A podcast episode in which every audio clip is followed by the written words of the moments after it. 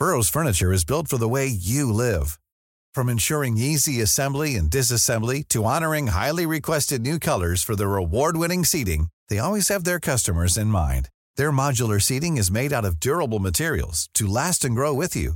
And with Burrow, you always get fast, free shipping. Get up to 60% off during Burrow's Memorial Day sale at burrow.com slash ACAST. That's burrow.com slash ACAST. burrow.com slash ACAST. There's never been a faster or easier way to start your weight loss journey than with PlushCare. PlushCare accepts most insurance plans and gives you online access to board-certified physicians who can prescribe FDA-approved weight loss medications like Wigovi and Zepbound for those who qualify. Take charge of your health and speak with a board-certified physician about a weight loss plan that's right for you. Get started today at plushcare.com slash weight loss. That's plushcare.com slash weight loss. plushcare.com slash weight loss. Wow. Nice. Yeah. What you're hearing are the sounds of people everywhere putting on Bombas socks, underwear, and t-shirts made from absurdly soft materials that feel like plush clouds. Yeah, that plush. And the best part? For every item you purchase, Bombas donates another to someone facing homelessness. Bombas. Big comfort for everyone. Go to bombas.com slash ACAST and use code ACAST for 20% off your first purchase. That's bombas.com slash ACAST. Code ACAST. Eneste bevisste valget jeg husker jeg gjorde, det var da jeg gikk fra å si ho til å si hun. Og det, det liksom rev litt i meg en uh, periode.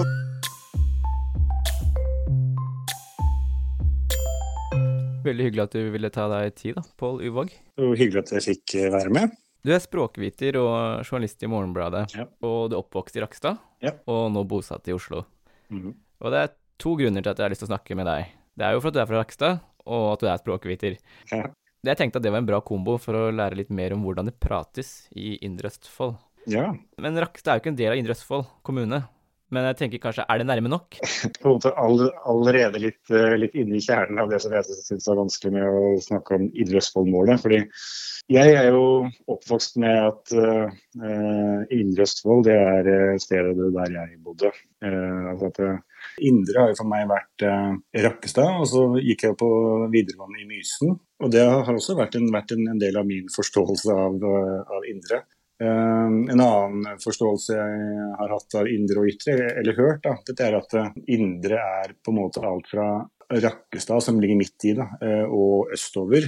Mens det ytre det er liksom det ut mot havet. Og så har du Halden og Aremark og sånn som en litt sånn eh, ja, for så vidt nedre, indre region. Da. Men hvis vi skal si noe, skal si noe klokt om, om liksom, dialektforskjellene i Østfold, og fortsatt finne hold i disse begrepene som indre og midtre og ytre, så må vi bakover for å finne dialektale beviser for det, tror jeg. Noen, noen sånn overordna ting er jo for så vidt greit å, å si noe om. For f.eks. denne såkalte Østfold-L-en, som heter Østfold-L selv om de har den over hele Sørlandet og Vestlandet og store deler av landet. Den ha, har man jo ikke i, i nord, da. Er du oppvokst med å si ball eller ball? Det er nok mer det siste. Jeg kan jo prøve. Ball. Ja. ja. Ball. Ball. Bolle. Bolle. Bolle. Ja. Bolle. Eller bolle. Bolle. Ja. Det her er jo da den, den tjukke Østfold-L-en. Er ikke den litt sånn misforstått? For det er vel en sånn tungespiss-L dere lingvister bruker for å betegne det? Jo, det er jo veldig Altså den derre L-en, det folk eller folk eller eh, folk eh, tenker på som, eh, som tjukk L, det er jo ikke det vi lingvister eh, omtaler som tjukk L, for, det er den, den du har i blod, Ja, eller bolet. Ja. Det er den, eh, den som, som tradisjonelt har vært omtalt som, eh, som tjukk. da. Og helga. Helga, nettopp. Den øl som egentlig, egentlig er at du bare bretter tunga bakover, og så bare flapper du den over ganen. Mm. Øl, øl. Ja. Helga, elgen, elva. Ja. Og det har ikke noe med den eh, bolle-ball-L-en å gjøre. Nei, men eh, det vi på fagspråket kaller en sånn pål, da, det er eh, en apikal L oppkalt etter apex, som er tungespissen, fordi vi setter tungespissen opp i ganen, og så får vi en L. Mm. Mens en laminal L, da bretter vi liksom tungebladet eh, opp mot ganen, da. Og da får vi jo da den eh, L-en. Men Østfold-L-en, altså den lyden, den har man jo over hele landet. Eh, hvis du bor i, hvis du er oppvokst på si Oslo vest, da, mm. så har du jo den i starten av ord. Altså du sier jo Lars og ikke Lars. Mm. Uh, så, men, uh, men, det er jo etter vokal da, at den L-en er uh, å høre i Østfold, og som nevnt en hel del andre steder i landet. Men, og den har vel utbredt seg til Oslo også? Ja, og niesene mine som bor i Bærum og er 10 og 14, de sier jo onkel Pål. Og de hører, jo ikke, de hører det jo ikke selv. Og... Du føler deg hjemme da? Ja, ja, veldig. Og for så vidt også de fleste unge uh, har inntrykk av at de bruker den, den L-en, da. Uh, også her i hovedstaden. Mm. Så det er jo, kan du si, at det er et artig comeback for Østfold, som jo har vært sånn dialektalt med hakkekylling i en del år. Når du nevner det, kan du si litt om det? Det derre språkhierarkiet, språkmarkedet. Hvorfor er noen dialekter mer ettertrakta enn andre? Er det noe språkvitere studerer? Ja, ja, ja. Eh, det, er nok mer over i det som heter sosiolingvistikk. Eh, det ligger jo litt i navnet kanskje, at det handler om hvordan eh, språket fungerer sosialt. Og tradisjonelt så har det jo vært, eller har det vært for veldig mange år siden, da, for å si 100 år, da, så var det jo ofte de med eh, midler, økonomiske midler eller sosiale midler som hadde mulighet til å ta utdanning. Og det foregikk jo i storbyene, da. Og da tilhører man seg jo ofte et språk som eh, hva skal jeg si, da, den eliten eh, var oppvokst, eh, oppvokst, med. Og det var mange som la fra seg dialekten sin når det kom til byen, for å rett og slett høres ut som de tilhørte denne eliten, da, som de ville bli en del av. Mm. Og disse tendensene her ser vi jo fremdeles. Altså jeg jeg tror ikke det er lett å høre at jeg kommer fra Østfold uh, nødvendigvis. Nei, Hvordan snakker du? Kan du eh, beskrive det som, uh, som, språkviter? Jeg snakker nå det som jeg vil si er sånn relativt sånn standardisert Østfold-mål. da. Jeg sier mål og ikke mål. Mm. Men jeg sier at det heter Pål og ikke Pål. Men det har jo også litt med å gjøre at jeg er oppvokst med at jeg het Pål. Altså, jeg var ikke utsatt for uh, så veldig mye Østfold-dialekt i hjemmet mitt, selv om moren min var fra Rakkestad. Uh, og så sa mormoren og morfaren min de kalte meg for uh, Pål. Morfar nok fordi han vokste opp i nordre del av Østfold. mormor nok fordi hun var fra en stor gård og ville snakke pent eller fint, som det jo gjerne ble oppfatta som. Mm. Men jeg, jeg, har nok, som en del andre som har mista dialekten min, så hevder jeg at Nei, nei, men jeg har aldri snakka noe annerledes. Men selvfølgelig har jeg det, liksom. Ja. Det, det, at jeg, at jeg har, har, sagt Pål og ball, og ikke Pål og ball, det er jeg nok ganske sikker på. Nettopp fordi at uh, jeg var opplært til at det var det jeg het. da. Ja. Og at det var fot fot fotball jeg spilte. Men jeg har jo helt, helt klart mista veldig mye. Hvor bevisst er du når du snakker? Det eneste sånn bevisste valget, altså hvis vi da tenker på Østfold-dialekten, det eneste bevisste valget jeg husker jeg gjorde, det var da jeg gikk fra å si ho til å si hun. Og det, det liksom rev litt i meg en uh, periode, altså, fordi jeg skamma meg litt hvis jeg sa hun til venner fra Rakkestad. Ja. Uh, og så skamma jeg meg litt hvis jeg sa ho til kolleger i Dagbladet, som jeg jobba i da det dette hendte. Um, men, eller skam og skam, jeg vet ikke om det er ordet, men det, det handler jo om å, å, å passe inn. da. Mm.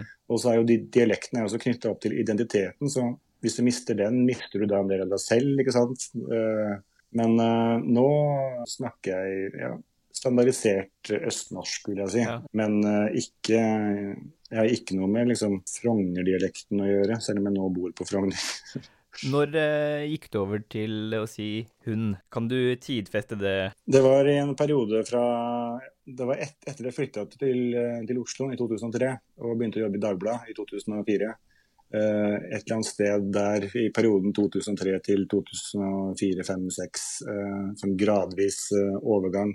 Mm. Jeg kan nok eh, fortsatt si ho hvis jeg snakker med kamerater fra Østfold, som også gjør det, da. men det var sånn tidlig i 20-årene at jeg tok det valget, eller hva skal kalle det. Ja, For ordens skyld så kan jeg jo bare si det at Indre Østfold kommune ble etablert 1.1.2020. Det er kanskje ikke alle som hører på som er helt orientert i de detaljene der. Og da ble da de fem kommunene Askim, Eidsberg, Hobøl, Spydberg og Trøgstad slått sammen. Og Rakstad ble da en egen kommune, som grenser i vest mot Sarpsborg, Skiptvet, og i nord mot Indre Østfold, og øst mot Marker og Aremark. Og for meg som er oppvokst i Askim, så har jo Rakstad vært et sted man kjører gjennom når man skal til Sarpsborg.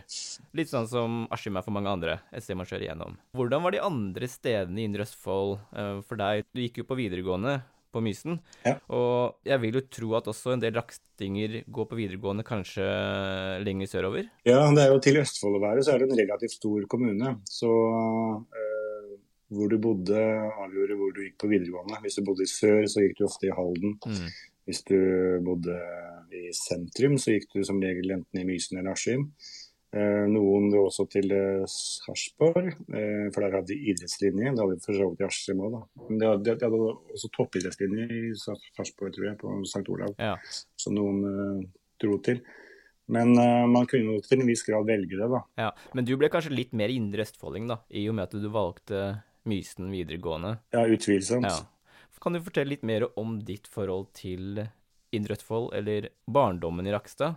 Det er jo så populært å si at man hadde en sånn eh, rolig og trygg oppvekst eh, på landet. Og det, er jo det jeg føler jeg hadde også.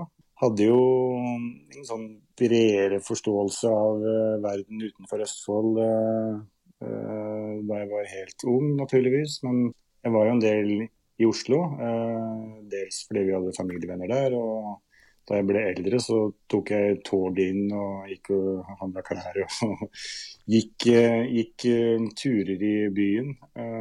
Men oppveksten min var relativt tradisjonell, tror jeg. Moren min var helsesøster. Faren min drev et kontorrekvisittafirma. Og spilte fotball, gikk på skøyter og var veldig mye med morfaren min, eh, Paul Uvåg, som jeg er oppkalt etter. Mm. Eh, som nok gjorde at jeg Jeg vet ikke, jeg har nok, har nok kanskje muligens eh, vært litt eldre i, i hodet enn i alder. Kanskje så gammel som 80 år til tider. Ja, fordi du var så mye sammen med morfaren din? Ja, jeg var, eh, jeg var heller hos han enn i barnehagen. Jeg syns ikke barnehagen var så, så stas. Jeg tror de siste årene var jeg der hver en dag i uka. Og så eh, var jeg med han da ellers, og så veldig opp til eh, han. Mm. Vi kan komme tilbake til det, vi, da vi går inn på det med boka du jobber med. Ja. Den har vel fortsatt arbeidstittel 'Min brysomme hjerne'? Det stemmer. Jeg har lurt på innimellom om den skulle hete 'Vi har alle vårt'. Men, men men jeg tror nok at det er det den skal hete, ja. Ja. Med mindre forlaget mener noe annet. Men eh, vi kan bare gjøre oss ferdig litt med dialekta, og jeg vet ikke om jeg stilte det mest uh, etterlengta spørsmålet, som vi alle trenger svar på. Har vi, har vi en egen Indre Østfold-dialekt? Hva er kjennetegna i så fall? Jeg vil faktisk eh, hevde at eh, det er vanskelig å påstå at eh, det er en egen typisk dialekt for Indre Østfold. Altså, det finnes jo naturligvis mange trekk, men det er ingen av dem som er spesifikke for det nødvendigvis indre. Da. Eh, og i hvert fall ikke hvis det går eh, nasjonalt, så er det jo svært få trekk som man bare finner i Østfold. Eh, Jeg kan bare komme på to, og det ene er fra sør i Østfold, der man har uttalt T i sånn som borett og husett. Ja. Som vi jo også naturligvis har rett over eh, grensen, da, i bordet og huset. Men er dette her Halden, eller? Dette er Halden, ja. Halden, Aremark, eh, kanskje.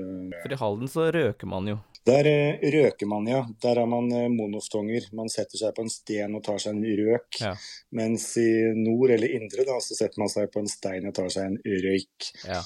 Mens uh, i det derre overgangsområdet, da, som jo da Røkkestad bl.a. er en del av, så sier vi både og, liksom. Jeg sa sten da jeg var barn, men nå sier jeg nok stein, jeg tenker man. Mm. Men det er jo det ene, ene trekket som er typisk for Østfold, da, hvis vi ser hele Østfold under ett. Eh, Det andre er nok at eh, jeg tror ikke det er noen andre steder som man, man sier ente og ette, eller jeg hante gjort det, Ja. eller eh, Ja. Jeg, jeg ville nok sagt hakket, da. Hakket? Hakket Du hakket, ja. Og det er ganske vanlig eh, hvis, eh, altså, i store deler av Østlandet eh, egentlig, og for så vidt uh, Trøndelag og sikkert andre steder uh, også. Ja. Men det derre endte, det er jo lett å tenke seg at det har no noe med uh, det svenske inte å gjøre, Ja. ikke sant? Ja, faren min er fra Rødenes i, i Marker, nærmere svenskegrensa. Ja, Så han er nok litt Ja. mer og nikker på inte eh, ernte. ja, ja. ja. Mm. Ernte så farlig. er, er ikke så, er ikke så farlig. jeg. Det er liksom den der, det er nok de, de, de typiske. Men, men igjen da, til det du spurte med den typiske Indre Østfold-dialekten. Den blir så utvanna fordi eh, det er egentlig bilen kanskje som har skylda. Fordi før, eh, kanskje også så sent som eh, da denne boka jeg omtalte i, stad, stad, det av Einar Lundby på midten av 90-tallet, så var det fortsatt ganske tydelig å å se at det var skiller. Og folk eh, hadde ikke så mye mobilitet. ikke sant? De Mm. gifta seg innad i bygda. Mens eh, nå drar jo folk til storbyen og jobber litt der, og infrastrukturen gjør, gjør at det er mye lettere å flytte på seg. Ja. Man får seg ektefeller fra andre deler av landet, og det er så mye, Mye mye galskap. Mm. Ja. så, så jeg vil faktisk være litt sånn kontroversiell da, og si at uh, nei, det er ikke noe typisk for dere i Indre Østfold. Hva med vanlige misoppfatninger, da? Om hvordan idrettsfoldinger prater? Jeg tror folk, eh, i hvert fall som ikke bor i Østfold, skjærer hele fylket over én kam og tenker at alle høres ut som i Fredrikstad. Ja. Hvilket er, Hvis man går på detaljene, så er jo det en ganske absurd påstand. Men uh, samtidig så er det kanskje den dialekten som er, uh, har vært mest, mest eksponert uh, i mediene. Da, ofte i noen parodiske former. Mm. Og så hadde vi jo Raimond, eh, Øyvind Johannessen, Ja. sin karakter, som eh, nok en del kjenner fra 90-tallet og sikkert før det også. Som faktisk Østfold fylkeskommune i sin tid eh, brukte flere hundre tusen på å kvitte seg med. Altså ikke han, da, men altså dette der eh, stempelet. Om liksom, ja, om Raimond som en litt sånn tett kall nede til Østfold. Mm. Men, men er det noen som prater som Raymond? Ja, det tror jeg du vil finne. Eh, men da skal du ned til eh, Fredrikstad, eh, Sarpsborg, som de typiske trekkene hans er, er å finne. da. Du vil jo naturligvis finne mange av dem i Indre Østfold også, men da er det litt mer avslepent. Og vi sier nok heller bila, nei, Bilandet og ikke Bilandet, som du kan høre nede der Ja. Nedi der uh, hører du. Eh, altså ane på hannkjønnsord, mens vi sier æne, i hvert fall i indre, da, så har vi ofte sagt uh, bilane, ikke bilane. Og så i, igjen, da, for å vise til den Østfoldmålboka fra Einar Lundby, så eh, der eh, skriver jo han om, om såkalt kløyd infinitiv, altså at du kan si både å kaste og å kasta. Mm. Eh, men den derre A-endinga der, den kan ikke jeg huske fra barndommen min, i hvert fall at det skulle være bruk. Kunne kanskje høre si at nå, eh, hva skal du gjøre, og ikke hva skal du gjøre. Men eh, igjen, da. Det er liksom den derre utvanninga som, eh, som gjør at det blir stadig vanskeligere å peke på eh, spesifikke trekk, i hvert fall på så detaljnivå som er skille mellom indre og ytre, liksom. Ja. Når vi snakker om personer som bruker eh, målet fra Østfold, så er det jo nærliggende å snakke om uh, hvordan Martin Beyer-Olsen preker. Ja, Han er jo din uh, sambygding. ja. Gir han en riktig representasjon av hvordan rakstingene preker? Nå er jo ikke han her til å forsvare seg, men jeg kjenner jo Martin godt. Så jeg kan, så jeg kan uh, si at nei, jeg tror ikke det. altså. Han er nok blitt for utvanna. Men selvfølgelig, det overordnede er jo der. Men han, eh, han har jo heller ikke alltid den der typiske Østfold-L-en, som jo liksom er det mest karakteristiske, kanskje. Eh, men eh, jo da, han er nok representativ nok. Ja. men, men uten at jeg kan peke på noe sånn konkret på stående fot akkurat nå, så hører jeg da at, at han høres annerledes ut nå. Som for, for så vidt alle som flytter ut fra et sted gjerne gjør. da, Så det er ikke noe til forkleinelse. Men, Nei, men eh, Tenker du på han som privatperson nå, eller snakker vi om eh, mediefiguren og karakteren han spiller i sketsjer? Fordi jeg tenkte mer på sketsje-Olsen. Ja, ja, ja, ja. Det er det jeg også tenker. Fordi da trykklegges vel ting litt annerledes, og det blir en litt mer, eh, om ikke reindyrking, så i hvert fall en sånn bevisst eh, språkbruk, hvor han, Ja. i hvert fall i de tilfellene hvor han skal spille en eh, Østfold-aktig karakter. Ja, det må man jo, må man jo gjerne. For å så få frem et, eh, et poeng, så må man jo gjerne overdrive litt. Ikke sant? Mm. Uh, jeg syns, jeg kunne overlevet mer, faktisk. Ja. ja, men så det er ikke noe sånn spesifikt raksting over hvordan han prater i sketsjer, eh, tenker du? Er det litt mer sånn uh, sammensurium av Østfold-preik? Ja, det er nok mer en sånn kombinasjon av Østfold og at han har bodd i storbyen i ganske mange år. ja? Men det er, det er veldig krevende å skulle parodiere en dialekt uh, ordentlig, også. selv for dem som en gang eh, har hatt den. Jeg syns, syns det er påfallende få som er virkelig gode til å etterligne en dialekt, eh, i hvert fall sånn i flytende tale. Hvis det er innøvde sketsjer og sånn, så kan det være mange som treffer godt. Mens uh, hvis man er lokal, da, så vil, vil man alltids, alltids kunne, kunne høre, høre noe, ikke sant. At eh, det ikke er helt på plass. Mm. Hvordan er det du beskrev hjemplassen din i Oslo da du var uh, nyinnflytta som eh, ung raksting i Oslo? Den første utfordringen er jo å klare å få folk til å forstå hvor det ligger rent geografisk. Ja. Fordi eh, Noen har jo hørt om det, og så er det noen som til og med vet hvor det er. Men eh, når jeg sier midt i Østfold, så da det tenker jeg at det skulle være ganske greit å forholde seg til. Men da er det sånn Å ja, er det nedover mot Moss og Å ja, er det i nærheten av Fredrikstad, eller? Mm. Og så må jeg si sånn Nei, du har liksom E6 på venstre, og så er det E18 på høyre, og så mellom der så er det jo et sånt lite område som heter Rakkestad, da. Riksvei 22, må du si. Riks, riksvei 22, ja, den er jeg faktisk oppvokst med. Ja. den Men eh, nei, jeg har nok, eh, jeg har nok eh, beskrevet, beskrevet det i fine ordelag, og de blir finere jo eldre jeg blir. Ja, hvorfor det? Jeg tror det handler litt om at jeg er blitt eldre, og så litt om at jeg ikke så, så det da jeg bodde der uh, sjøl, liksom. Eh, sånn som hvor pent det kan være der. Hvor flott det er med åkre og kulturlandskap og mange flotte mindre tjern og vann. og uh, at det er, det er liksom Omlandet er veldig pent, da. Selv om jeg i, i sin tid skrev i Rakkestad Bygdeblad at eh, sentrum og stygt. Eh, Ja. så, så er, det, er det veldig pene omgivelser eh, der. Hva var det du savna, siden du var ute i avisa og mente så sterkt eh, på den tida? Jeg skrev det sammen med, med min daværende kollega Pål Andersen, som nå jobber i NRK Østfold. Eh, og det handla egentlig om at det, det så ut som om eh, kommunestyret sa ja til alt. Altså, ja vel, du vil bygge en treveranda på dette murbygget og male den uh, lydsykkelen. Flott. Og så har man ikke noen sånn idé om at uh, dette skal inngå i en sånn, hva skal jeg si, uh, helhetlig eh, byplan, eller eh, bygdeplan, eller sentrumsplan. Jeg savna nok, eh, nok bare et eller annet, et eller annet eh, et eller annet som ivaretok eh, det felleseiet som tross alt en uh, stor gate, da, som sentrum i bygda stort sett består i, uh, er. da.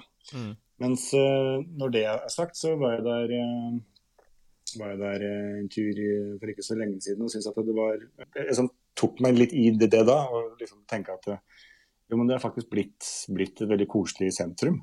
Jeg husker ikke hvilken bok dette var akkurat nå, det burde jeg selvfølgelig forberedt meg på. Men der eh, sto det om eh, bygdesentrumer, da. Og der var faktisk eh, det trukket fram som et eh, veldig fin, fin bygd. Ja. det er vel noen som gravde fram den sinte kronikken deres, da, og så litt nærmere på hva som mangla i sentrum der. ja, det kan være. Det skal jo sies at dette her er jo snart 20 år siden. Ja, ja for du skrev i lokalavisa. Mm Og, og Rakstad har hatt en egen lokalavis, fordi resten av Indre Østfold har jo da hatt uh, Smålenene, eller Indre eller Øvre Smålenene, men Rakstad har alltid hatt en egen nyhetskanal, eller? Ikke bare én, vi hadde på et tidspunkt to. eh, og avis eh, to var da jeg med å starte rett etter eh, videregående. Fordi eh, Røkkestad Avis har jo, har, jo, vært der i eh, sikkert 120 år nå. Eh, og så I den avisen så traff jeg da Pål Andersen og Karsten Lier, som jeg da starta en konkurrerende avis til, som da var uavhengig av de store mediehusene. Og den het Røkkestad Bygdeblad. Den starta jeg med de to rett etter videregående. da. Når er det du blei opptatt av språk? Var det i forbindelse med det her, eller skjedde det før du begynte å skrive? Man skal passe seg for ord som alltid og aldri og sånn, men jeg, jeg, tror jeg alltid har vært, eh, vært opptatt av det. At det har liksom blitt delvis vært og delvis blitt bygd opp til en del av identiteten min. Jeg fikk høre at jeg snakka veldig tidlig. Da jeg var to år, så kunne jeg visstnok si høyesterettsjustitiarius og fysioterapeut med ganske god artikulasjon. Og så gikk det et par år, da, så begynte jeg å stamme. Så, men, men, eh, og så begynte søsteren min på skolen, og da lærte hun meg å lese og skrive. Og da var jeg tre. Så jeg har alltid, alltid fått, fått høre at jeg har et sånt talent for språk fra jeg var eh, barn. da. Mm. Og så hadde jeg en veldig flink eh, lærer på barneskolen som het Tom Uttisrud, som var veldig opptatt uh, av å lære oss uh, uh, grammatikk, da, og naturligvis andre deler av språket også. Men da var det et eller annet i meg som jeg tror uh, klikka litt, fordi det derre strukturelle som du får av grammatikk, det tiltaler meg, tiltaler meg veldig. Det å se liksom systemet i språket, selv om språket jo er et sånn evig utviklende kaos. så det, det å trekke opp liksom skillelinjer mellom setningstyper og kunne beherske kommaregler og Det har nok uh, trigga ja, Så det kikker du på? Kommaregler? kommaregler syns jeg er helt topp. Semikolon? Semikolon eh, det prøver jeg i det lengste å unngå. Det, det syns jeg andre burde, burde gjøre. Ja, for det er liksom to ulike skoler, er det ikke det? Jo, det er jo de som, som, de som setter det der de føler det passer. Uh, og de som setter kommaen der de føler det passer. Det er for så vidt greit, det, altså. Men uh, da kan de gjøre det, og så kan jeg la være. Og så kan vi bare leve i fordragelighet likevel. Ser du mye feil bruk av semikolon? Ja, men igjen, da, så er det da den der definisjonen da, som er rett og galt, uh, den er jo ganske flytende. ikke sant? Altså, vi har jo normeringa som kan gi oss regler for hvordan ting eh, skal være eller bør være. Men samtidig så vet vi at den er fullstendig annerledes nå enn for 100 år siden. Så det er jo en sånn kontinuerlig utvikling her som eh, vi hele tiden må ta høyde for. Da. Så, øh, men hvis forfattere, da, som er de som eh, hva skal jeg si, kanskje best vet hvordan språket vårt eh, er, fordi det er nettopp de som bruker det og utvikler det. Hvis, hvis, hvis 100 forfattere skriver eh, et semikolon eller setter et semikolon på et sted som normeringa sier at det ikke skal stå, så blir det liksom stadig vanskeligere å argumentere for at ja, men du tar feil. Mm. Ikke sant? Og Sånn er det nok også med semikolon. Men for meg, da, som har språkansvaret også i Morgenbladet, og føler et visst ansvar for å akseptere nyvinninger, men samtidig beholde en viss edruelighet, så, så um, tar jeg nok oftere ut semikoloner av tekster enn jeg setter dem inn. Ja. Mm. Helt klart. Mm. Du fikk uh, NTB språkpris i fjor. Ja. Hva, hva, fikk du den for? hva er liksom din nisje blant språkeksperter? Mange har kanskje hørt om Per Egil Hegge i Aftenposten som uh, har vært veldig opptatt av språkfeil, og Sylfest Lomheim som driver med etymologi, ordenes opprinnelse, og så har vi Helene Uri som er opptatt av språkbruk i kulturell sammenheng, kanskje. Hva er din nisje blant disse språkekspertene? Hvis, hvis, hvis, du skal meg, hvis du skal prøve å sette dem i én bås, da, så skal jeg finne meg en annen bås å sette meg i. Så vil jeg nok si at det overordna inntrykket er nok at de er mer eh, normativister. Altså opptatt av hvordan ting eh, er og kanskje burde være. Ikke så stor grad uri, tipper jeg, men, eh, men eh, i hvert fall Hegge har jo tradisjonelt hatt det som sitt utgangspunkt, opplever i hvert fall jeg. Mens jeg er mer deskriptivist, tenker jeg. At jeg er nok mer åpen for utvikling og nyvinninger, tror jeg. da. Men det jeg fikk, fikk prisen for, det den prisen går til, er jo jevnt over spesielt godt språk i mediene i avisåret som har vært, eller i ja, eh, altså at liksom, jeg har godt skriftlig språk, da. Og hva som er godt språk, er jo en subjektiv oppfatning. og Jeg må jo bare si at jeg syns det er utrolig stas og veldig hyggelig å få den uh, anerkjennelsen den prisen uh, er. Det er jo omtrent det eneste jeg kan vinne. Men jeg tror nok det som det jeg kjente meg litt igjen i da, fra juryens begrunnelse, det er at jeg nok skriver med et, med litt mer humør, kanskje, tror jeg, enn en del andre. Det er viktig for meg at teksten skal være underholdende. Mm. Uh, samtidig som den selvfølgelig skal være strengt uh, saklig og uten feil, eller hva jeg skal si. Men, men at jeg nok i større grad er enn andre er, bruker tid på å, å, få den til å flyte, flyte ekstra godt. Da. og at det skal henge med hele veien. Og det gjør naturligvis alle som skriver, men jeg tror at det, for meg så er det viktigere enn for en del andre, muligens. Nei, Jeg har også lagt merke til at du skriver med humør. Det oppleves veldig humørfylt, og det betyr jo ikke at alt er veldig humoristisk, men det, det høres ut som det er et menneske som sitter her i hvert fall og, og skriver. Og hvor viktig er det å, å, blande inn det muntlige da, for å få til den uh, effekten, tenker du? Jeg skriver nok veldig muntlig. og jeg tror at det er veldig viktig å blande inn nettopp det. og at, at, man Hvis man har kommet på nå en tekst jeg skrev om, om Østfold L, eller om L, da, uh, der jeg begynte sånn veldig sånn teknisk med ja, tungespissen opp dit, og så tunge, tungebladet rett ut i munnen, og se for deg at det bretter den fram. og så blir det jo veldig teknisk, da, ikke sant. Ja. og da er det befriende å bare kunne bryte ut i 'herregud, så vanskelig det er å beskrive lyder med tekst'. Ja, ikke sant? Og, og, som jo er en fullstendig uakademisk eh, tilnærming til, eh, til eh, dette med å beskrive lyder. Men som gjør at man ser at det er et menneske der, da. Eh, og jeg liker jo veldig godt å skrive muntlig. Hvor store friheter kan du ta deg da? Når du skal skrive muntlig i en ellers ganske saklig, drøftende tekst, eh, og du snakker jo også ut ifra rollen som lingvist. Hvor store friheter kan du ta deg på det muntlige planet? Der er jeg veldig heldig, fordi jeg er ansatt i en avis der jeg stort sett får lov til eh, det aller meste når det gjelder uh, sånne ting. da. Så jeg føler jeg kan ta meg så store friheter jeg bare vil, men samtidig må man jo unngå at det glir over i det parodiske. Man må unngå at det går utover troverdigheten. Mm. Man skal jo kunne sitte igjen med et inntrykk av at dette her er en person som vet hva vedkommende snakker om eller skriver om.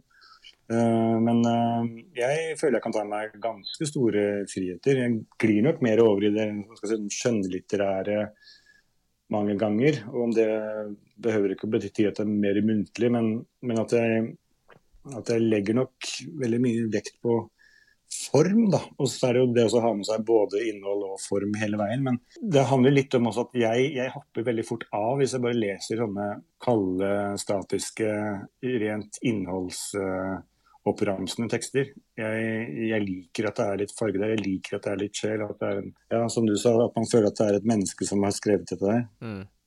Språkfeil og slurv, ja. hva, hva, plager deg mest? Du, jeg er ikke så veldig lett å plage der, altså. Fordi, um, det handler jo litt om at jeg er uh, deskriptivist. altså Jeg er mer opptatt av å uh, beskrive hva vi ser, oppdage utvikling, enn å påpeke slurv og, og feil. Det er veldig diplomatisk, da det er diplomatisk, men det er også helt sånn ektefølt. da. Um, også... Sitter du ikke der og brenner inni da, hvis du ser gang etter gang, enten det er en kollega som begår den samme språkfeilen, eller det er noe du hører på TV eller i um, andre aviser. Er det ikke liksom noe som trigger deg? Hva er liksom ditt triggerord? Mitt triggerord det er eh, Men det er, er, av en helt annen grunn. Eller mitt triggeruttrykk, det er i forhold til. Ja. Og der blir jeg trigga fordi det som tilsynelatende er en sånn hel hær av folk som bare vil plaffe ned og hogge hodet av alle som bruker det eh, begrepet om noe som helst annet enn sammenligning. da. Og så, og så, men så, så bare spør jeg meg ja, men hvor er det de henter den legitimiteten hen. Jeg husker, husker at jeg leste Dag Solstads debutroman 'Irr Grønn', som kom i 1969 eller noe sånt. Noe. Og han bruker masse i forhold til, som er en helt sånn feil type bruk da, etter det derre forholdismens standarder. Ja. Og når så mange andre mennesker også bruker det tilsynelatende intuitivt fordi det fungerer, så, så syns jeg det er så vanskelig å skulle sitte der og si at ja, men vet du hva, det, det er feil. Mm. Det er feil. Så, men det er klart at det, det kan jo bli for, for mye av det. Hvis man først har hengt seg opp i det uttrykket, så blir man jo helt gal av å høre eh, på Dagsrevyen ofte. Men er du nå tilbøyelig til å tenke at det er akseptert å si i forhold til eh, hvis man bare mener om? Du tenker at det nå er ok?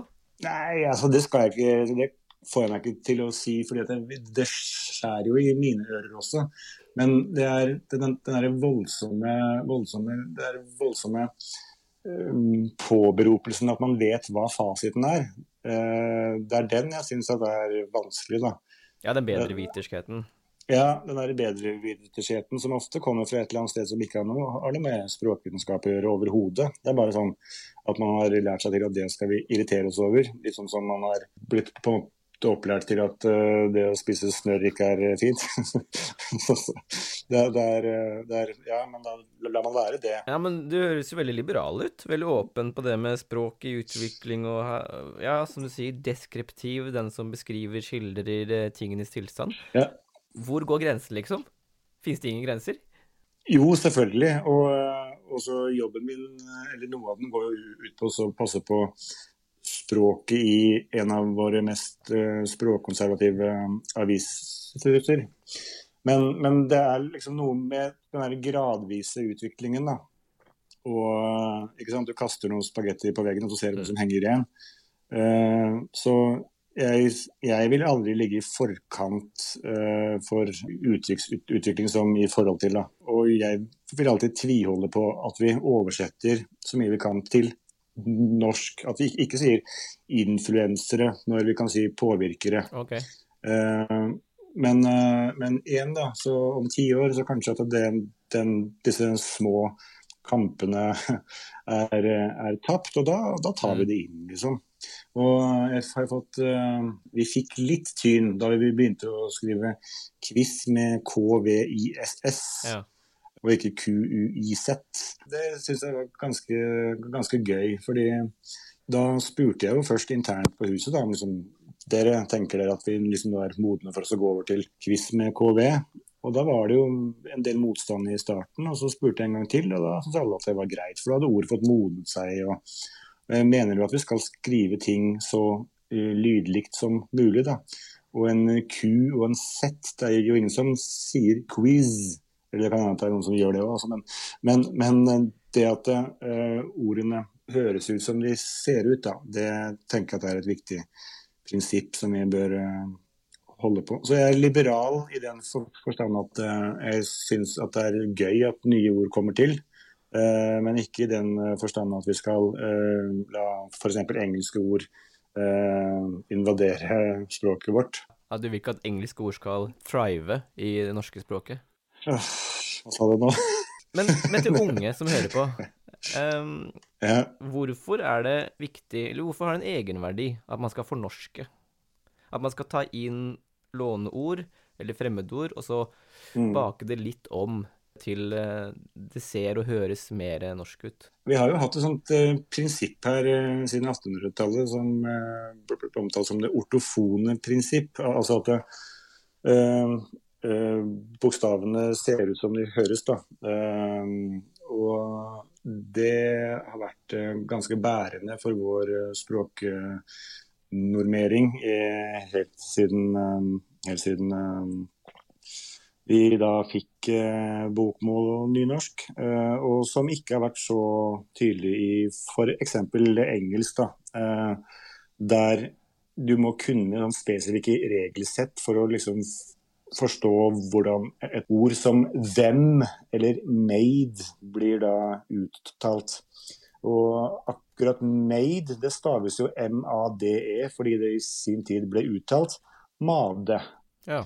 Og så Hvis ikke vi da også henger med på å eh, vri eh, ordene skriftlig til sånn de høres ut, da, så vil, vil vi også få en stadig større avstand mellom skriftspråk og uttale. Eh, og Du kan bare ta fransk, der en H i starten av et ord ikke blir uttalt. Hvorfor har vi da den H-en der? ikke sant? Det eh, er sånn, noen sånne helt klare pedagogiske gevinster, da, eh, tror jeg, ved å utvikle, utvikle skriftspråket i takt med talen, og drive det vi da kaller eh, fornorsking. da. Ja. Hva med ditt eget navn? Pål, med to a-er? Pal, Pal Uvag, ja. ja. Nei, jeg kaster jo stein i glasshus her, jeg gjør jo det. Men jeg kan jo liksom unnskylde meg med at det var ikke jeg som valgte denne stavemåten. Nei, det er sant. Åen, Åen fylte jo faktisk 100 år her for et par år siden. Nei, 1917 var vel det. Ja, 2017.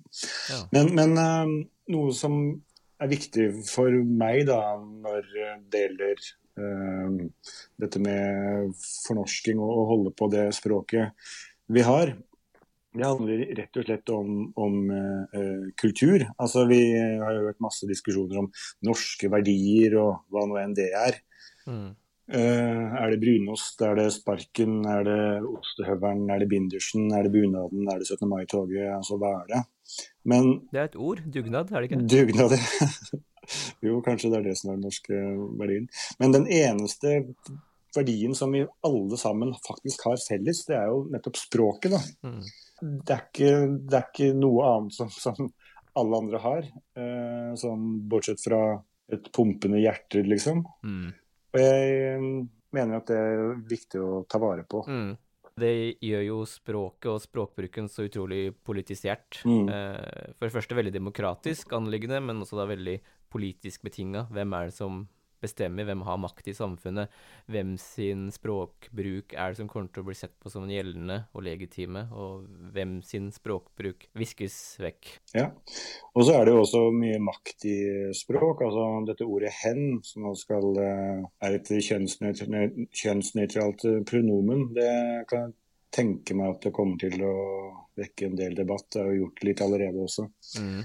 Og da handler det om, om eh, Noen vil da si at ja, men skal vi da åpne for at det er OK å ikke ha noe kjønn?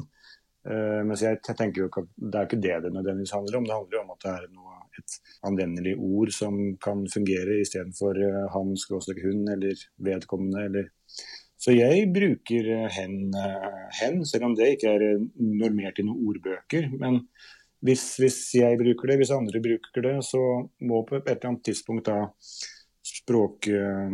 Språkrådet, som da har ansvaret for språknormeringa, de må ta det opp da, og se ok, men finner vi nok bruk av det til at vi kan si at dette her er et ord som, eh, som eh, fortjener å tas inn, eller skal vi vente fem år til og se om det detter bort? Mm.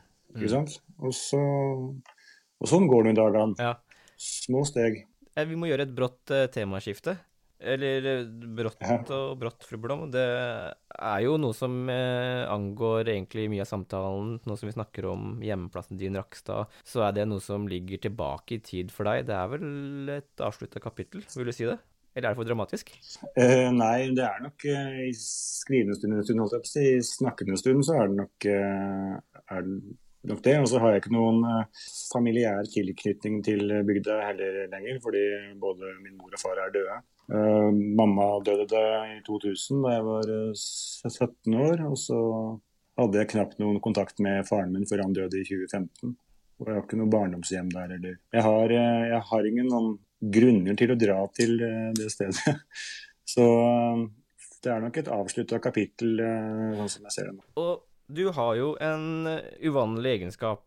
Eh, Det er noe vi har snakka litt om på e-post. eh. Mange tror kanskje at disse intervjuene blir gjort sånn på sparket, men det er ganske mye forarbeid. Og vi har jo maila ganske mye fram og tilbake, og jeg har jo fått høre litt eh, om denne boka du jobber med, som har arbeidstittelen Min brysomme hjerne. Når oppdaga du at du hadde en hukommelse som ikke var helt lik alle andres? Eh, Jeg har både alltid visst det, og så oppdaga jeg det på et punkt. Men samtidig så Det er nok noe av det med å være oppvokst i Indre Østfold. at du Jeg vil ikke kalle det jantelov, fordi det er så teit ord, men, men, men den der ydmykheten som man er opplært til å ha, da, den passer ikke så veldig godt med, med å skulle uh, skrive en, en, bok om uh, sin egen hukommelse, i hvert fall. Men uh, jeg har alltid, alltid huska ting godt. Det har jeg gjort. Men så var jeg barn, og så var jeg ung, og så var det andre som huska ting godt. Og så hadde jeg ikke minst morfar, da, som hadde den mest utrolige hukommelsen jeg har vært utsatt for noen gang, tror jeg. Men mm. han, han, var der alltid, så jeg tenkte ikke på at jeg var spesiell, egentlig. Det var nok ikke før jeg var ferdig med videregående og uh, Starta da Rakkestad Bygdeblad sammen med disse to andre. At jeg, at jeg ble, ble liksom klar over at dette her var faktisk ikke vanlig. De kunne liksom humre av at jeg kunne si hvilken side, hvilken artikkel sto på, hvilken dato. Mm. Og at jeg ja, skrev intervjuer uten å bruke opptaker eh, eller papir og penn. Jeg hadde jo med papir og penn, da, men jeg skrev jo så stygt når jeg gjorde intervjuer, så jeg så jo ikke noen ting da jeg kom hjem, så da skrev jeg det etter hukommelsen. Ja. Så det var nok sånn rundt 20 års alder, kanskje. Ja, hva slags ting eh, er det du husker, bare sånn på stående fot nå, og sånn i hverdagen? Hva slags type detaljer og hendelser eh, er det du kan finne på å huske som slår deg som litt uvanlig? Nei, jeg husker, jeg husker tall. Bursdager, kortnumre, sånne ting. Uh, det har jeg vært opptatt av siden jeg var barn, og det er fordi morfar var opptatt av det. Og så husker jeg også hva jeg har gjort ofte, da. Eh, det er ikke alle dager jeg kan si eh, hva jeg har gjort, men eh, jeg kan liksom si Jeg knytter hendelser til datoer, og ganske langt bakover i tid. Mm. Noen datoer kommer med en gang, andre datoer må jeg hente opp. Det er liksom litt som, for å bruke en metafor som jeg tror kanskje er dårlig, da, så er det litt som fyr langs en mørk kyst. At du får øye på et, et fyr, og det fyret det er kanskje søndag 24.2.2019. Mm.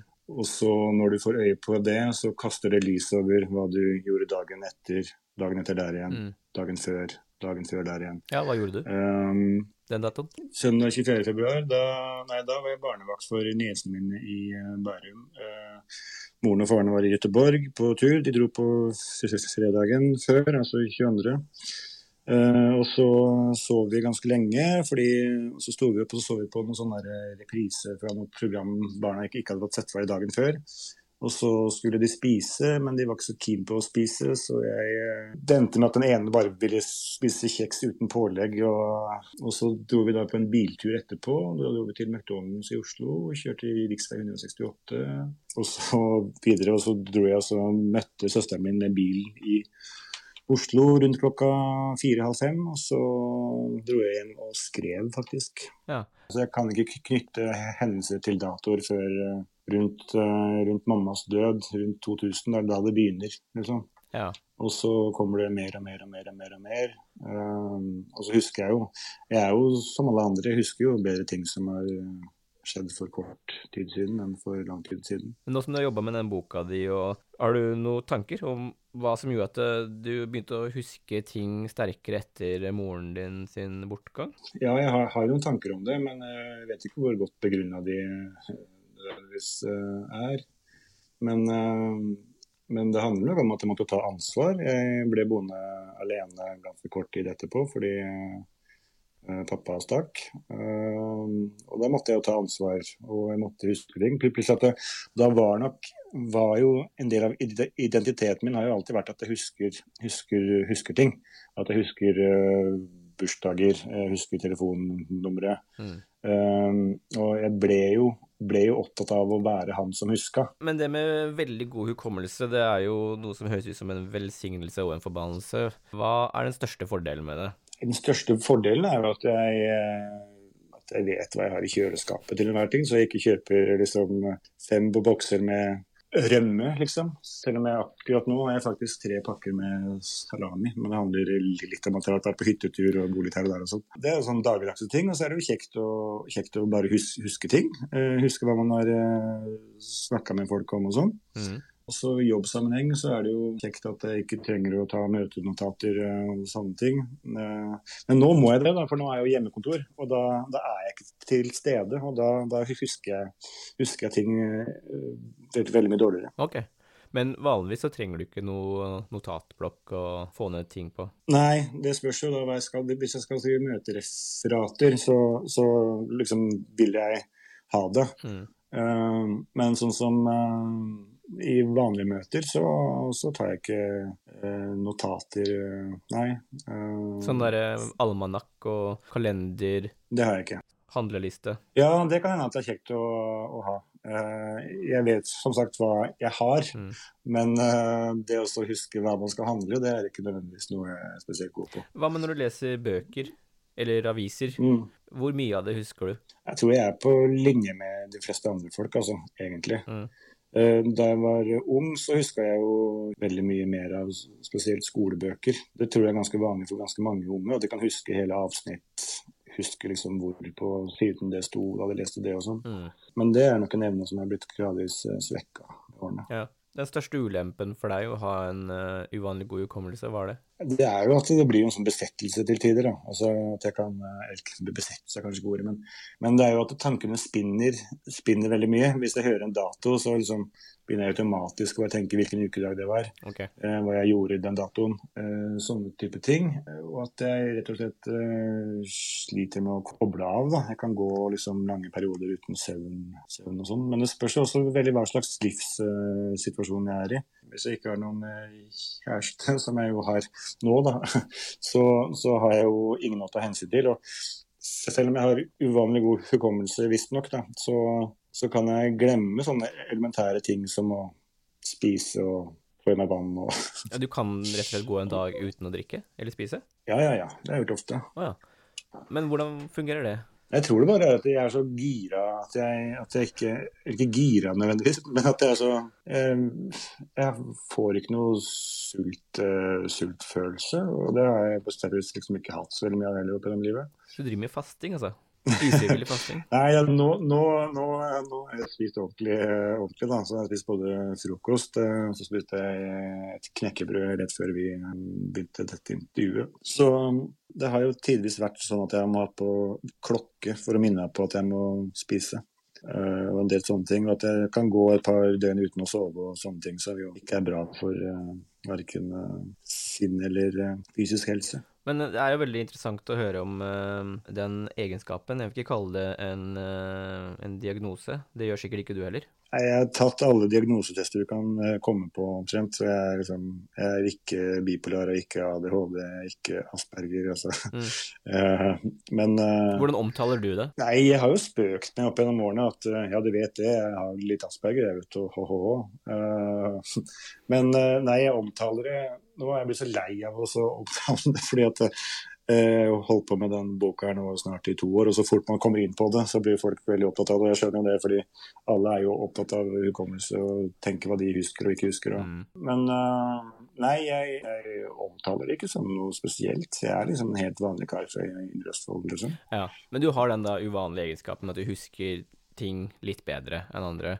Mm. Jeg lurer på, Er det sånn at du kan ligge da og, og bla i harddisken? I katalogen, er det sortert på en måte at du lettere kan bli liggende hele dag og, og tenke tilbake? Bli fanga på en Ja. måte litt i eh, gamle Ja, ja. minner? Ja, ikke bare en hel dag, men en hel natt. Ja. Eh, det er jo det som er altså, Selv om jeg ikke, ikke har tenkt på det sånn, så driver jeg med det som er kanskje det viktigste for å huske ting, og det er repetisjon. Mm. Jeg går bakover og prøver å huske, huske hva jeg gjorde da. Eh, hvilken, hvilken dag jeg så den powerpoint-presentasjonen, liksom. Eh, Så det er jo en del eh, det jo, jeg, jeg, jeg bruker jo mye tid på det, eller brukte da. Det har heldigvis blitt veldig mye bedre de siste månedene. Fordi jeg kan bli fullstendig utmatta av det til tider. Men når den scenen spilles av da, la oss si du ligger i- og har lagt deg, Mm. hvordan spilles det av? Hvor levende er det, og fargerikt og sansbart er det? Kan du justere det på noe vis, eller er det noe ufrivillig over det, hvordan det popper opp? Det er ufrivillig, vil jeg heller si. Det er ikke det at jeg ligger og justerer det, nei. Det er ikke noe, det er ikke noe finmotorikk der. Det er bare et uh, ras. Ja. Og så er det veldig, sånn, veldig assosiativt, så jeg kan hoppe fort ut av en scene og så inn i et eller annet. Eh, og hvis jeg kommer på Altså jeg ligger og så kan jeg liksom komme på en eller annen dato, la oss bare si ja, 22. juni, så kan jeg tenke at ja, det er 226, og så 2226. Det var mopednummeret til Espen da vi var unge. Og det er samme størrelse på slagvolumet i en Volvo B23-motor. Tomtestørrelsen på tomta vår da jeg var barn. Og så, og så spinner det, da. Og så kan jeg komme på hjemme tomta vår ble jo mindre da vi fikk en gang- og sykkelsti. Eh, og hvor mye ble den da? Var det 1836 den ble? Og så hadde vi da noen, noen blomster som vi kjøpte av henne og sønnen hennes. Altså, det spinner, spinner bare, da. Det her er vel det de, de kalte det her stream of consciousness en gang i litteraturhistorien, gjorde de ikke? Jo, det må være grusomt vanskelig å skrive ned det, liksom. For det, det går jo så forbaska fort. Ja. Så, Ja, De sa vel det om en av disse forfatterne, om at de, de skrev ikke, de typa. Ja. Altså, det var ikke noe litterært håndverk, det var bare rett og slett tasting. Eh, dunking på eh, bokstavene. jeg kunne prøvd meg på det, men jeg tror, ikke det hadde blitt noen spesielt interessant bok av det. da. Eh, ikke si det. Men det er jo en rik historie for deg, eh, så det er bare å, å prøve. Men eh, det blir jo sikkert rimelig lang bok, da. Hvor pålitelig er den hukommelsen når du kan sitte sånn og gå fra det ene til det andre, hoppe fra stein til stein, og, og spinne videre på assosiasjoner? Hvor faktamessig korrekt eh, kan tingene være? Altså eh, mopedskiltet eh, og, og passord og telefonnumre, det vil jeg tro er ganske kredibelt, men han ellers vi skal huske hva noen har sagt på et møte, eller eh, hva noen sa da du møtte de på gata, og så spinner du videre fra det ene utsagnet til det Ja. andre. Hvor pålitelig er det? Det vet jeg ikke helt. Eh, det er jo ikke så veldig mange Altså Noen ting, sånn som det du sa, jo, kan, man jo, kan man ettergå. Mm. Altså Vi kan finne ut, finne ut hva det mopedskiltet var, og tomtestørrelsen og sånne ting. Men uh, veldig Altså Det meste av det jeg sier jeg husker, kan jeg bare finne på for alt du vet. Ja, ikke sant? Men da kan man jo prøve å et ettergå det ved å se på gamle bilder eller e-poster. Altså, det finnes jo sånne ting man kan gjøre. Men eh, Ja. jeg tar sikkert feil, eh, jeg tar sikkert feil jeg som alle andre. Noen, noen ting har jeg fått hva skal jeg si, i hermetegn bevist da, ved at eh, det kan ha vært noe som jeg og en venn har vært uenige om, og så har eh, han hatt sin, eller hen, hatt eh, sin eh, klare oppfatning av hva som har hendt, og så har jeg hatt en helt annen. Og så har vi etterpå da funnet ut at ved at vi fant et eller annet bilde at jo, det var jo faktisk, faktisk da. Men jeg har nok en sånn litt sånn jeg vil ikke kalle det fordel, da, men sånn Det er nok en skjevhet, en skjevhet som jeg trekker veksler på der, uten at jeg egentlig har bedt om det. Ved at folk vet at jeg husker godt. Og da hender det at noen stoler mer på meg enn på seg sjøl. Uten at jeg nødvendigvis de har noen grunn til det. Mm. Jeg tar, tar også feil, men uh, Du opplevde at hukommelsen din også er kreativ? jeg vet ikke hva jeg skal svare på det. Uh, jo, jeg kan nok, jeg kan nok sikkert Jo, jo, jo, altså, jeg kan jo det. Altså, jeg vet jo ting som jeg føler at jeg husker, det som ikke kan ha huska. Der vet jeg jo at jeg henter inn, henter inn ting. Sånn som noe jeg tror eh, vi diskuterte også på e-post. Uh, mitt første barndomsminne, Mm. Som, eh, som jeg kan tidfeste sånn noenlunde nøyaktig, da, fra jeg var rundt to og et halvt år. Jeg husker jo ikke det, liksom. Jeg husker det fordi jeg har blitt fortalt det i ettertid. Og så har det skapt seg et, et eller annet bilde der jeg ser meg, meg selv utenfra. Så, så jeg husker, husker jo ikke liksom det øynene mine fortalte til meg da. Mm. Jeg ser meg selv utenfra. Jeg jeg ser mikrobølgeovnen på benken. Men jeg vet jo at vi hadde ikke mikrobølgeovn eh, da det minnet oppsto. Eh, Så jeg trekker jo inn, og det gjør vi alle, vi trekker jo inn ting som vi eh, vet at kan passe inn, men som vi ikke husker fra den eksakte hendelsen. Så det er klart at jeg konstruerer jo minner sånn sett. Og det gjør vi alle, da. Selv om vi husker dem jo som faktiske hendelser, så er det jo, det er jo et lappeteppe der vi Mm. trekker til inn noe som vi vil ha med. Mm. Kanskje at vi også liksom justerer historien litt, sånn at den skal bli morsommere, eller at vi skal komme bedre ut av den selv, eller at Mm. noen skal komme dårligere ut av den, eller Ja, mest det siste. Ja. så, så, så det er jo det med hukommelsen min, det er jo mer sånn mekanisk, tenker jeg. Det er det jeg kan sånn eh, til en viss grad eh, beherske bedre enn en del andre. Da. Samtidig som det er andre igjen som husker ting som jeg ikke husker. Ja, som, som det med spising og drikking og de der mer basale hverdagslige gjøremålene. Ja. Og så er det sånn som jeg husker for, for eksempel knapt en eneste sangtekst. Mhm. Så jeg, jeg, i hvert fall hvis det ikke er- hvis det er engelsk, da, eller Jeg er ikke så glad i musikk, du, eller? Jo, veldig, men jeg hører bare melodien, og liksom stemmen blir mer som et instrument. Så halvparten av alle sanger jeg hører på, aner jeg ikke hva det handler om. Er du god til å kjenne igjen melodier? Ja, Riff eller melodier som ligner på tidligere ting? jeg tror det. Hvis jeg har hørt det, da, naturligvis. Nei, men det, det er ganske, ganske påfallende, syns jeg. Jeg leser jo musikkanmeldelser, og så skriver de om ja, den sangen handler om det, og så tenker jeg hva sånn i alle dager er det det den handler om? Hvordan får de med seg? Jeg kan ikke liksom skjønne innimellom hvordan de engang hører hvilke ord som synges, og langt mindre prøve å sette dem sammen til et budskap og følge med på den uten å bli distrahert av å, der gikk den bassen den retningen mens trommene stoppa, liksom. Mm. Mens andre igjen som jeg kjenner, de husker jo omtrent alt av sangtekster. Du bør ikke ha hørt det spesielt mange ganger heller. Ja. Så det handler om mediet, medie, eller formen informasjonen blir eh, tilveiebrakt deg i. Ja, det høres nok eh, fornuftig ut, ja. Det var en fin definisjon. Eh, Fordi bare rein informasjon ville kanskje nådd deg bedre på en vis. Ja, det tror jeg nok, ja. Ufrivillige minner, Mm. er det mye av det? Er det sånn at hukommelsen suger til seg alt, på en måte, som øya ser, eller øra, Mm. øra hører, eh, og at du da ikke har noe større filter enn andre på hva som fester seg, men det er bare at det mer fester seg. Uh, Det er jo ufrivillig i- den forstand at det meste jeg husker, er bare tull. Det er ikke noe uh, Jeg trenger jo ikke å vite antall brødskiver med kaviar jeg spiste liksom sist onsdag. Så, så sånn sett er det jo det. Men så er jeg jo som alle andre, at jeg husker jo mye bedre ting som gjør inntrykk på meg. Ja. Eh, og sånn som alle husker hvor de var 22. juli i eh, 2011. Men nesten ingen husker hvor de var 22. juli 2009. Um, så Det gjør du. ikke ak akkurat nå, nei. Det må jeg hente opp, uh, på en måte. Men, Ja, for du kan hente opp ting fra arkivet. Er det sånn det fungerer? Ja.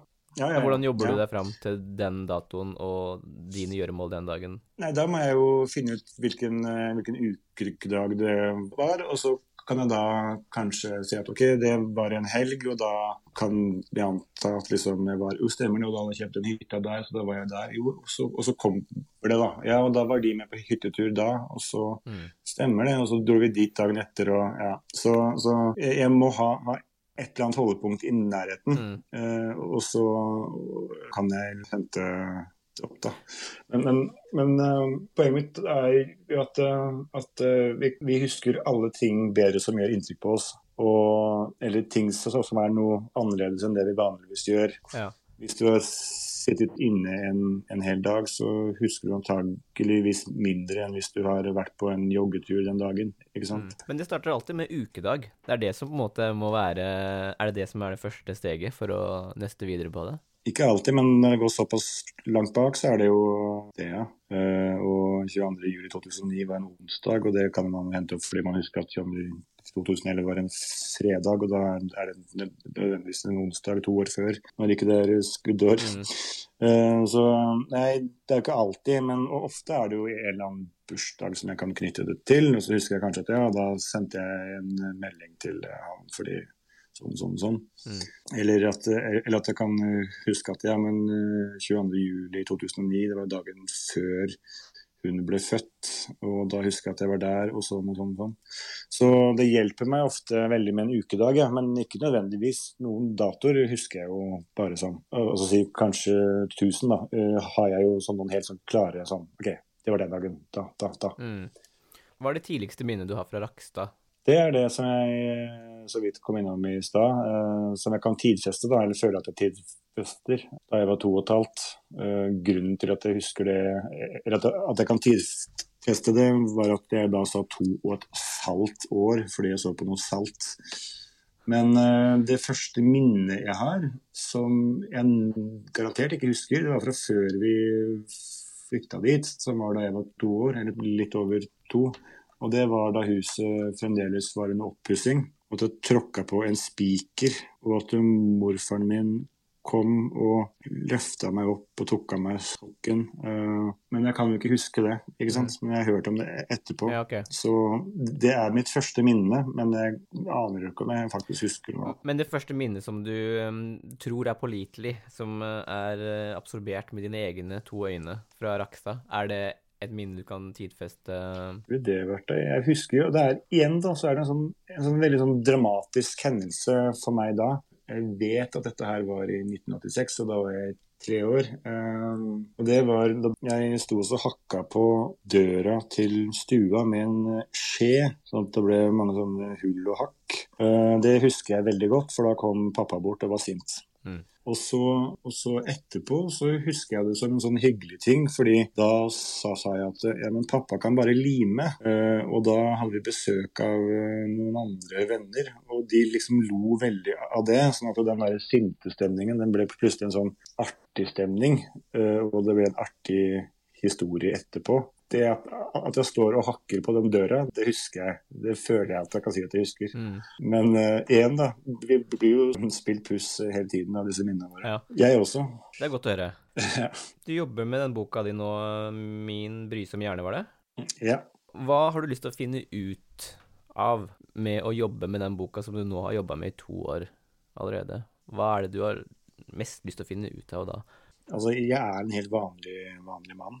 Og jeg vil påberope meg det å kunne være en helt vanlig mann. Eh, på samme vis som jeg vil at andre skal kunne si at de er helt vanlige mennesker, selv om de kanskje har noen tilsynelatende hva skal jeg si, aparte egenskaper. Da.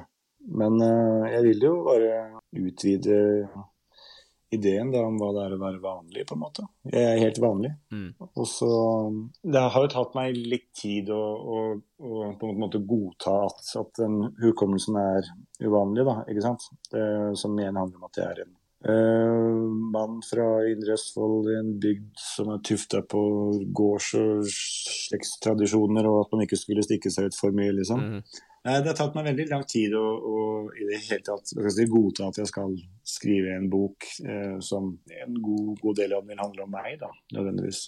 Mm. Men den skal også handle om oss alle.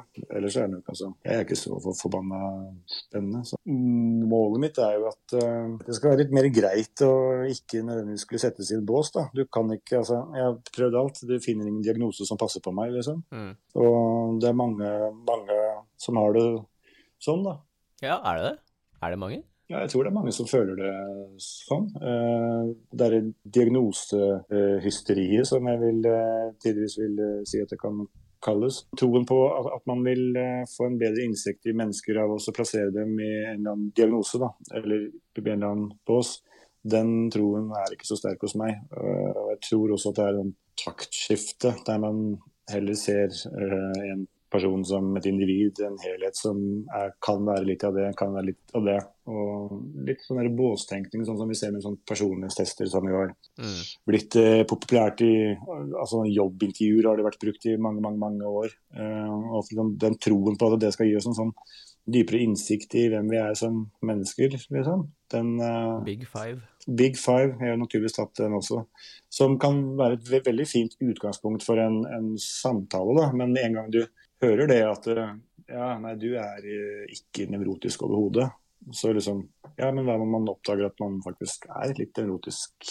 Hva man kan endre seg, hva man kan utvikle seg. Mm. Og spesielt i, i sånn, sånn jobbintervjusammenheng, hvis du da tar en sånn test, og så får du høre da at ja, du er veldig kreativ, men ikke spesielt god til uh, organisering. Mm. Hva skal en arbeidsgiver eh, med en sånn type info? Skal man da liksom gi vedkommende bare oppgaver som ikke innebærer administrasjon? Mm. Kanskje vedkommende har, har, overkompensert for det i hele skolegangen.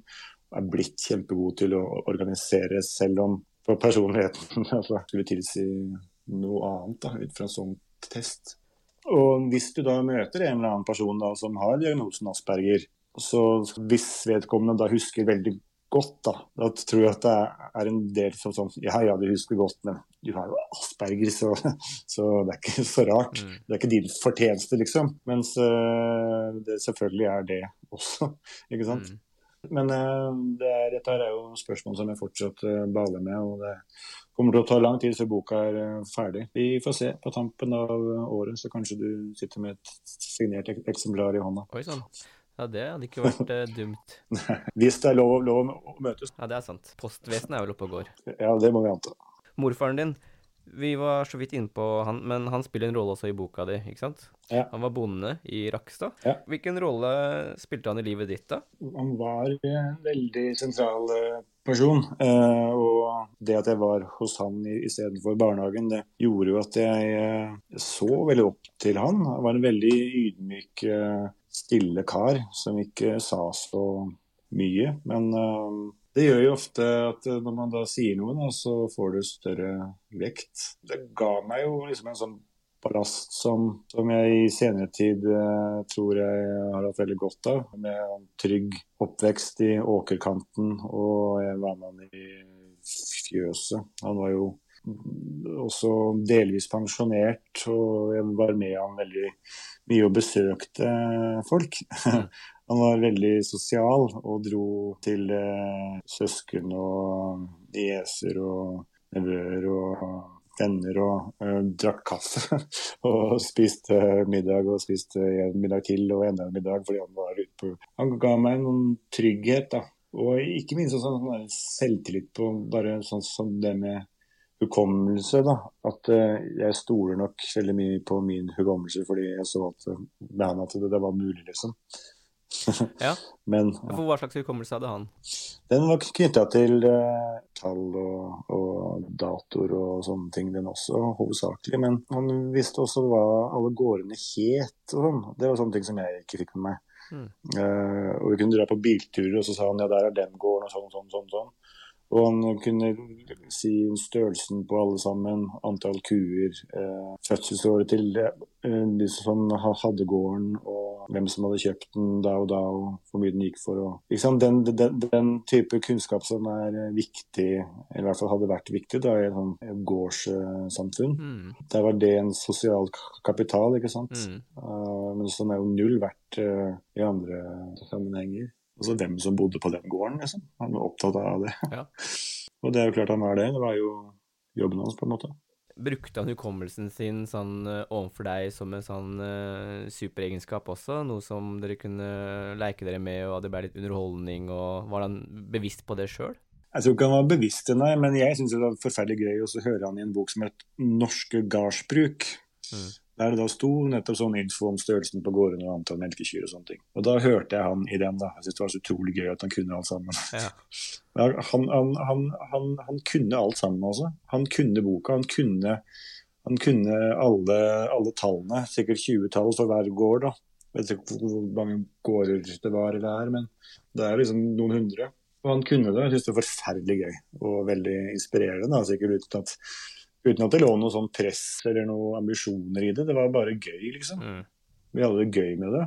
Og så holdt vi på med litt kryssord og sånne ting. og ordspill, og så så vi litt på Emil på TV. Og så sa jeg at du, du og jeg, morfar, når Emil sa du og jeg, Alfred. Og han var en bauta, altså, i barndommen min. ja, og han skriver du mye om i boka, har jeg forstått. Ja, eh, det blir en del. Hva med det temaet født sånn eller blitt sånn, er det et spor du følger i boka di? Ja, jeg er innom det også. Uh, og jeg tror jo, uten at skal røpe for mye, så kan jeg jo si, si det som alle andre sier, at det er en kombinasjon. For mitt vedkommende med han, da, så, så kan man jo tenke seg at det er et eller annet, et eller annet genetisk der. Uh, at det er Han huska godt, jeg husker godt. Uh, men jeg ble jo eksponert for dette her i veldig ung alder, da. Nettopp ved at vi gjorde sånne ting som å sitte og eh, se den der boka med antall kuer og sånne ting. Ja. Eh, så jeg, jeg fikk jo bygd opp bygd opp en sånn infrastruktur i den plastiske hjernen da, Ja. som uh, gjorde at den type ting var uh, lettere å hente opp. At du fikk knagger å henge ting på. ikke sant? Ja. Og han var også veldig god i hoderegning, som jeg også ble, da, fordi vi satt sånn Ja, hva er så og så mange prosent av det, og sånne ting. Mm. Eh, som jeg også ble god i, men som jeg ikke er spesielt god i lenger, fordi ja, du vet, Ja. kalkulator og internett. Altså, det var noe genetisk latent som da forsterkes sosialt, høres det ut som. Jeg skal ikke sitte og påstå det, men, men, eh, men eh, det, jeg, tror, jeg tror nok vi kommer til å se i boka at, at det ligger ikke noe der. da. Mm.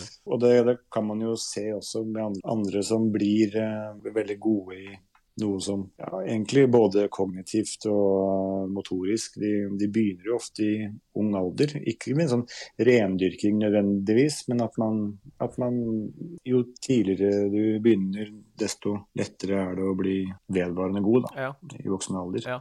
Tror jeg. Ja, du har i hvert fall sånn derre gullalder for motorikk, f.eks. Hva er det? Er det sånn mm. 8 til 12, eller noe sånt? Husker ikke. Kanskje det er noe sånn også hukommelsesmotorikk uh, som trengs å iverksettes fra tidlig av og holdes ved like? Ja, og ikke minst også språk, da. Det er jo en viss uh, alder, så kan jo barn ta til seg liksom 100 ord i uka. Mm som de skal kunne bøye, bruke i korrekt kontekst. Tenk det liksom 100 ord i uka. Ofte også noe jeg så var liksom opptil 200 ord. Prøv det, liksom. Prøv å lære deg keltisk. 200 ord hver uke. Du skal bøye dem, du skal huske dem, du skal uh, ha dem uh, både passivt og aktivt. Uh, det er liksom helt, helt vilt hva jeg gjerne er i stand til. Mm, ja. Utrolig fascinerende. Ja, Hvis Mel Gibson lager en sånn Braveheart-versjon på keltisk, kanskje jeg kunne fått med meg med undertekster og sånn? Hvis han har lagd en sånn interaktiv kursing. Å hjelpes, ja. Eh, vi må vel snart runde av, men eh, råninga mm. Du kom ut av skapet som råner ganske nylig, gjorde du ikke? Jo, det er sant. Fortell. Nei, det var at jeg skulle anmelde andre sesong av Rådebank, den der serien som har gått på NRK nett-TV. Mm. Um, I sesong én først, og sesong to. Og så var jeg sånn fiendtlig innstilt da, da jeg skulle begynne å se sesong to, fordi jeg er jo fra bygda sjøl, og jeg skal jo portrettere et bygdemiljø samtidig som jeg skal portrettere de som bor der. Uh, og så syns jeg det var så forbaska teit av disse serieskaperne. og liksom, altså det var en, Dette var et, eh, et, rollegalleri og en handling som kunne vært lagt til uh, hvor som helst, når som helst. Og så har det da valgt seg da et rånemiljø i Bø. Eh, og at de da velger Bø når det først gjøres, er greit nok. De har vært i mediene med et, eh, råneoppgjør og, alt det. Men det ble så påtatt for meg, da. Altså for meg som kommer fra bygda, og som Eh, selv om jeg jo ikke identifiserer meg som noen råner, så er det ikke til å stikke under en stol. Jeg hadde hatt uh, åtte biler før jeg var 20. ja, vi kan ikke bare hoppe glatt over det? Nei, vi kan jo ikke det. Og en av dem var, var, jo, var jo en Volvo med veldig mange hestekrefter. Ja, Men hva var det her for noe? Hvor, hvordan ble du en del av rånemiljøet? Det må vel ha vært et rånemiljø, da, antar jeg? Det var nok et miljø, selv om de ikke så på seg selv som et miljø. Men det var jo de som, som da hang på bankplassen og sto der og hadde sånn lang bilrekke med vinduet åpne, og så snakka de dem var alle jeg en del av. Jeg syns nesten de var litt sånn skumle. Men hvis du kommer fra bygda og du har hatt en Volvo med 350 hestekrefter, så er det vanskelig å komme unna med det stempelet, da.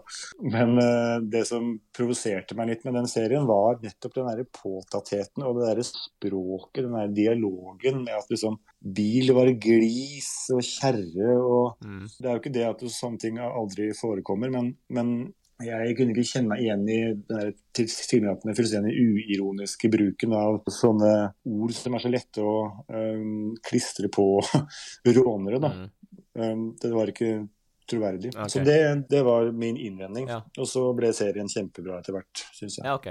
Så det ble terningkast fem, det der, da? Jeg har ikke terningkast, men nei, som en uh, kompis av meg sa da han hadde lest den, Morgenbladanmeldelsen, var at uh, dette her var en skikkelig god, gammeldags sterk firer. Ja. og det er nok det, da. Jeg begynte jo fra et veldig fiendtlig utgangspunkt. Og så så hun sammen med samboeren min, og hun er jo fra Oslo vest. Og um, syntes jo dette her så, så kjempeautentisk ut i sesong én. Mm. Uh, at liksom, ja, det er jo sånn det er. Og så kunne jeg da si at nei, det er ikke sånn det er. Men vi, vi ble omvendt, begge to. Hva var det som tiltrakk deg med rånemiljøet i Rakstad? du skal stadig stappe meg inn i den båsen. Nei, men, men eh, jeg, jeg, jeg, så ikke på meg som en del av det da. Jeg hadde jo en, en, en bil, jeg syntes det var veldig gøy med, med, biler. Ja, men da var det bilinteressen da, som var um, ja. utslagsgivende, høres det ut som. Ja, det var bilene, ja. Og ikke minst det å eie en bil som gikk veldig fort. Uh, men var det mekking også inn i bildet, eller? Ja, på den ene bilen var det det. Uh, den Volvoen. De andre mekka jeg ikke stort på, annet enn å bytte noe hjullager og litt sånne ting, liksom. Men uh, den Volvoen, den uh, la jeg ganske mye tid og kjærlighet uh, og ikke minst penger ned i det. Det syns jeg var veldig, veldig stas. Og ha en sånn tøff bil. Og så var den Det var, det var ikke en sånn derre råner-Volvo, det var ikke noe 240, liksom. Det var riktignok en 940, men jeg hadde ikke sånn senka bil og sota ute, sånn, så jeg følte at liksom Dette her var liksom decent, da, ja. som det heter på engelsk. Og på norsk, ville du sagt? Anstendig, kanskje. Du vegra deg for det? Høres det nesten for pretensiøst ut, eller? det bare datt ut av meg. ja. altså, det, det detter ut uh, anglisismer og fæle fremmedord også fra deg? Ja, det hender til og med at jeg sier mail istedenfor e-post, men uh, Å ja vel, det skal man ikke? Jo da, altså folk gjør det hele tiden, og det er helt OK. Men jeg som, som hustingvist, liksom, så, så, føler jeg et visst ansvar da, for å ikke skli ut. Og så mm. opplever jeg jo at andre også føler visst sånn Eller jeg hører ofte at de blir ekstra opptatt av språket sitt og unngår kommafeil og sånn når de skriver med meg, men jeg blåser jo i det, liksom. Oh, ja. Er, ja, folk skriver feil, og jeg skriver feil, jeg òg. Jeg hadde en kommafeil i denne anmeldelsen min av Rådebank 2 nå faktisk. Hvem oppdaga den? Den oppdaga jeg selv, så jeg tok den bort i nettsaken. Det er jo forferdelig vet du, når det oppstår, oppstår sånne ting. Ja, og når er det du oppdaga det? Oppdaga den da saken var kommet på nett, og jeg leste den eh, der første gang nettopp for å se etter eh, feil. Da. Eh, og da så jeg en som kom av feil, som jeg tror, tror ikke noen tenker over, men den står nå der. Så, eller sto noe der. Ja, ok, for da er vi inne på det med slurv og språkfeil som plager deg litt. Ja. Du kunne ikke la den bli stående? Ikke når det er min egen tekst, nei. Å nei. Jeg har jo en egen språkspalte også. og hvis Det var en, en gang jeg hadde en feil, det har sikkert vært mer enn én også.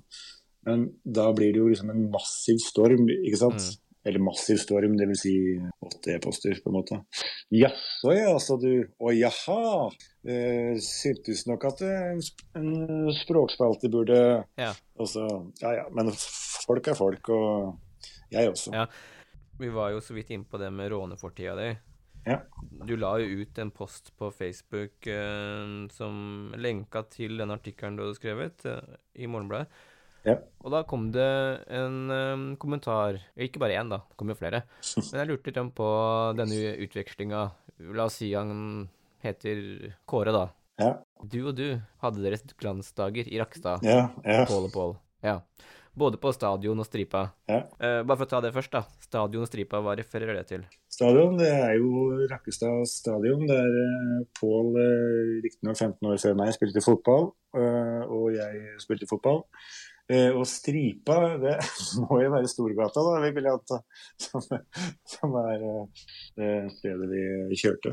Ja, for det var en annen Pål med Å? Det var Pål med Å, ja.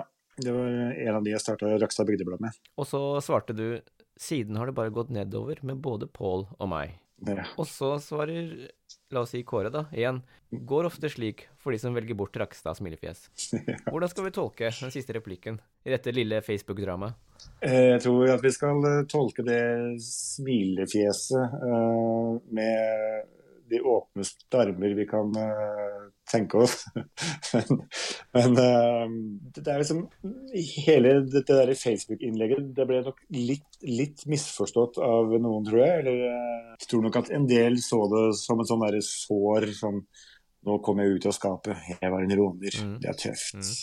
Uh, mens det var jo ment humoristisk. Men uh, all, all, humor er, er, jo best når den må forklares, da. Så jeg er veldig glad for at jeg får anledning til det uh, her nå.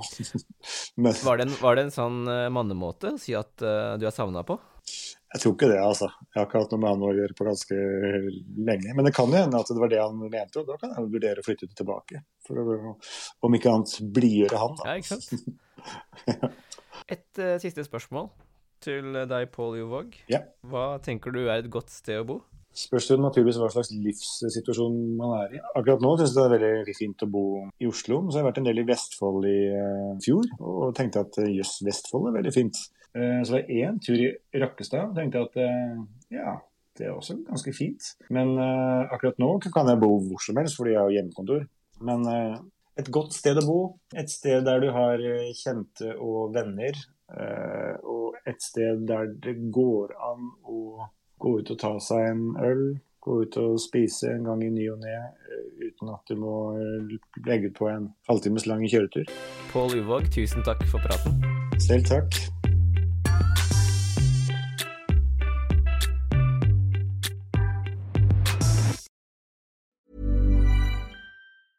Mom deserves the best, and there's no better place to shop for Mother's Day than Whole Foods Market. They're your destination for unbeatable savings, from premium gifts to show-stopping flowers and irresistible desserts. Start by saving 33% with Prime on all body care and candles. Then get a 15-stem bunch of tulips for just $9.99 each with Prime. Round out Mom's menu with festive rosé, irresistible berry chantilly cake, and more special treats. Come celebrate Mother's Day at Whole Foods Market. Flexibility is great. That's why there's yoga. Flexibility for your insurance coverage is great too. That's why there's United Healthcare Insurance Plans. Underwritten by Golden Rule Insurance Company, United Healthcare Insurance Plans offer flexible, budget friendly coverage for medical, vision, dental, and more. One of these plans may be right for you if you're, say, between jobs, coming off your parents' plan, turning a side hustle into a full hustle, or even missed open enrollment. Want more flexibility? Find out more about United Healthcare Insurance Plans at uh1.com. Planning for your next trip? Elevate your travel style with Quince. Quince has all the jet setting essentials you'll want for your next getaway, like European linen, premium luggage options, buttery soft Italian leather bags, and so much more. And it's all priced at 50 to 80% less than similar brands. Plus, Quince only works with factories that use safe and ethical manufacturing practices. Pack your bags with high-quality essentials you'll be wearing for vacations to come with Quince. Go to quince.com slash trip for free shipping and 365-day returns.